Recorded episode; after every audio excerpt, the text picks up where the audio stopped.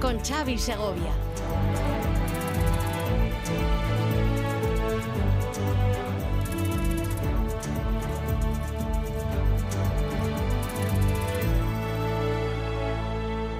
Arracha León, 7 en punto de la tarde. Brasil ha vuelto a hablar y ha escogido a Lula da Silva para que sea su nuevo presidente. Una segunda vuelta que ha dejado un país dividido, polarizado, donde el líder de la izquierda del Partido de los Trabajadores se hace con la presidencia con apenas 1,8 puntos de diferencia frente a Bolsonaro. El actual presidente, Jan Bolsonaro, cuando ya ha transcurrido casi un día, aún no ha comparecido públicamente. Sepamos qué es lo que se espera de este gigante latinoamericano, David Gramendi, Arracha León. Rachaldeón, muy buenas tardes a todos. En efecto, han pasado casi 24 horas y Jair Bolsonaro sigue sin hablar. Se resiste a reconocer su derrota o lo que es lo mismo, sigue sin reconocer la victoria de Lula da Silva. Sin embargo, la última hora desde Brasil es que al parecer Bolsonaro ha recapacitado y hablará hoy mismo, pero algo más tarde. Sabemos que anoche se recluyó en la residencia presidencial, el Palacio de la Alborada. Tras conocer los resultados, sin hablar con nadie, se fue pronto a dormir.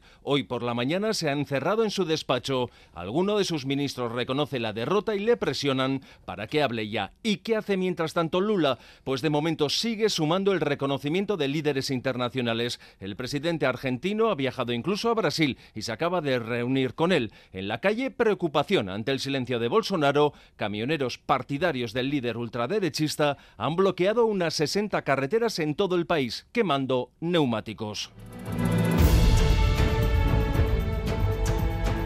Y más cerca aquí en Bilbao, la inauguración de la nueva sede del Secretariado de la Coalición Local 2030 de la ONU, una sede que se ubica desde hoy en el edificio del Archivo Histórico de Bilbao y que fomentará el desarrollo sostenible a nivel local y regional. John Fernández Moore.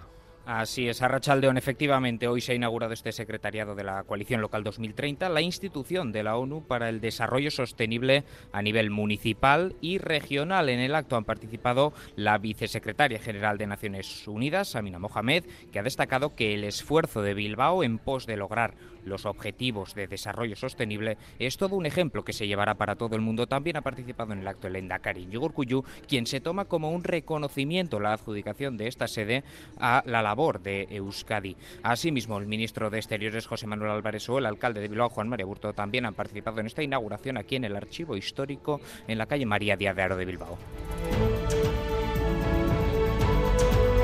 Y en el terreno más político sigue sin acuerdo la conformación de los 20 vocales del Consejo General del Poder Judicial. El Partido Popular paraliza de momento la negociación con los socialistas hasta que el presidente Pedro Sánchez no se comprometa por escrito a no reformar el delito de sedición. Lo decía en Onda Cero su portavoz en el Congreso, González Pons y se pactó que no se tocaría el tema de la sedición, cualquier negociador se levantaría de la mesa. Dije una vez que esto era una última oportunidad y nos hemos encontrado con que había otra persona y esa otra persona era Esquerra Republicana. Las puertas están cerradas, pero eh, no con llave. Si el gobierno eh, renuncia a pactar con los independentistas, nosotros estamos dispuestos a seguir adelante. Hay mucha gente que cree que, que Sánchez miente siempre y en esta negociación Sánchez les ha dado la razón. Y hoy cita obligada en el calendario de las grandes jornadas de las Asocas. Guernica ha acogido el último lunes de octubre con una amplia participación. Cerca de 125.000 personas se han acercado hasta la Villa Foral para dos años después poder disfrutar esta vez sí de esta gran Asoca. Casi 300 puestos donde un año más el queso o las alubias han sido las grandes protagonistas, pero también su subida de precios, Eder Carrero. Se esperaba romper esa cifra de récord de 120.000 asistentes y así ha sido. Han sido 125.000 personas las que se han acercado a Guernica, la feria del último mes de octubre que tantos vascos esperaban, la feria más importante del agro vasco que ha contado con variedad de actos. La subasta del queso ganador este año se ha cerrado en 6.100 euros. Se ha llevado a cabo el tradicional concurso agrícola y la gente ha podido probar y comprar todo tipo de productos en el considerado gran escaparate de productos de caserío en Euskal Herria. Satisfacción con el resultado de la nueva edición, donde lo decimos no se ha notado la huelga en Vizcaibus, la gente ha acudido en tren tras el refuerzo en la línea de Euskotren durante todo el día de hoy. Y en Madrid, homenaje también a una veintena de víctimas del franquismo, entre ellas varios curas eh, sociales, también republicanos, nacionalistas, las víctimas olvidadas de la dictadura franquista que esta mañana sí eran reconocidas. Entre ellas José Aritimuño, conocido como Aichol, él junto a 13 religiosos más fueron fusilados entre el 1936 y 1937. Aichol Azpuru es su sobrino nieto beatificaron a los mártires de la guerra civil y todos ellos del bando nacional en la jerarquía de la, Iglesia española, porque la Iglesia vasca siempre ha sido más cercana a Itol, pero sí, eh, lógicamente sería un buen paso adelante. Y esta mañana la diócesis de San Sebastián anunciaba que Fernando Prado será el nuevo obispo de la ciudad a partir del 17 de diciembre. Prado sustituye a José Ignacio Munilla al frente de la iglesia donostiarra, poniendo fin así a la interinidad en la que se encontraba desde su marcha a la diócesis de Orihuela Alicante. Deseo antes que nada enviaros un afectuoso saludo a todos y cada uno de vosotros y a todas y cada una de vuestras familias. Quisiera que sintierais desde el primer momento el calor y la cercanía de quien pronto va a ser vuestro nuevo hermano obispo. Más asuntos en el ámbito económico. La crisis no da tregua. Hoy hemos conocido que la inflación en la eurozona ha subido este mes de octubre hasta el 10,7%.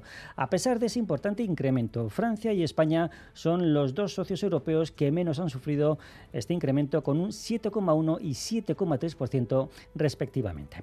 Y mientras el Euribor, el principal referente para las hipotecas, sigue en tasas altas, aunque ha sufrido una ligera bajada respecto al mes de septiembre.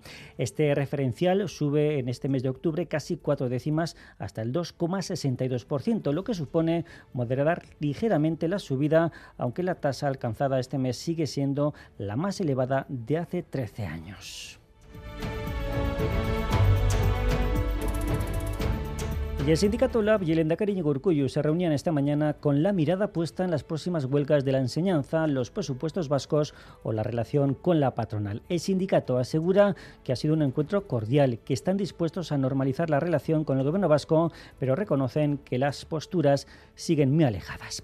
Y Santurchi e Irún han condenado esta mañana las últimas agresiones machistas ocurridas en ambas localidades. La consejera de Política Social, Beatriz Artola Zabal, acudía a la localidad vizcaína condenando lo que es una vulneración, decía, de los derechos humanos por el mero hecho de ser mujer.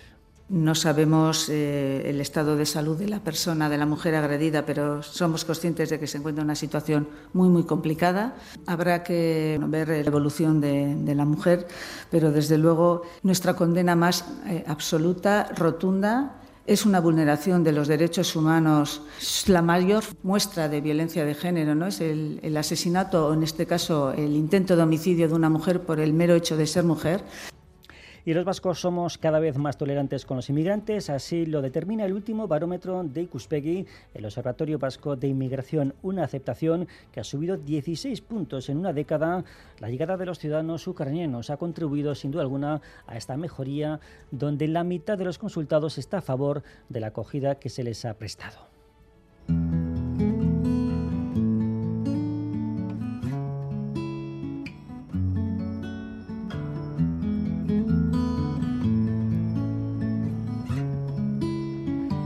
Estamos en la víspera de la festividad de Todos los Santos. Como todos los 1 de noviembre, son muchos los que estos días se acercan a los cementerios. Nos marchamos precisamente hasta el Camposanto de Derio. Amaya Zabala ha estado allí, Archaldeón. A León, así es, nos hemos acercado a Derio, al cementerio municipal de Bilbao, donde hemos podido apreciar que la tradición de acercarse al Campo Santo a visitar a los familiares sigue muy viva. Además nos comentaban que prefieren hacerlo en la víspera para así evitar las aglomeraciones del Día de Todos los Santos. Hay quien lo hace solo o acompañado de familiares y amigos, pero eso sí, todos y todas con un gran ramo de flores en las manos.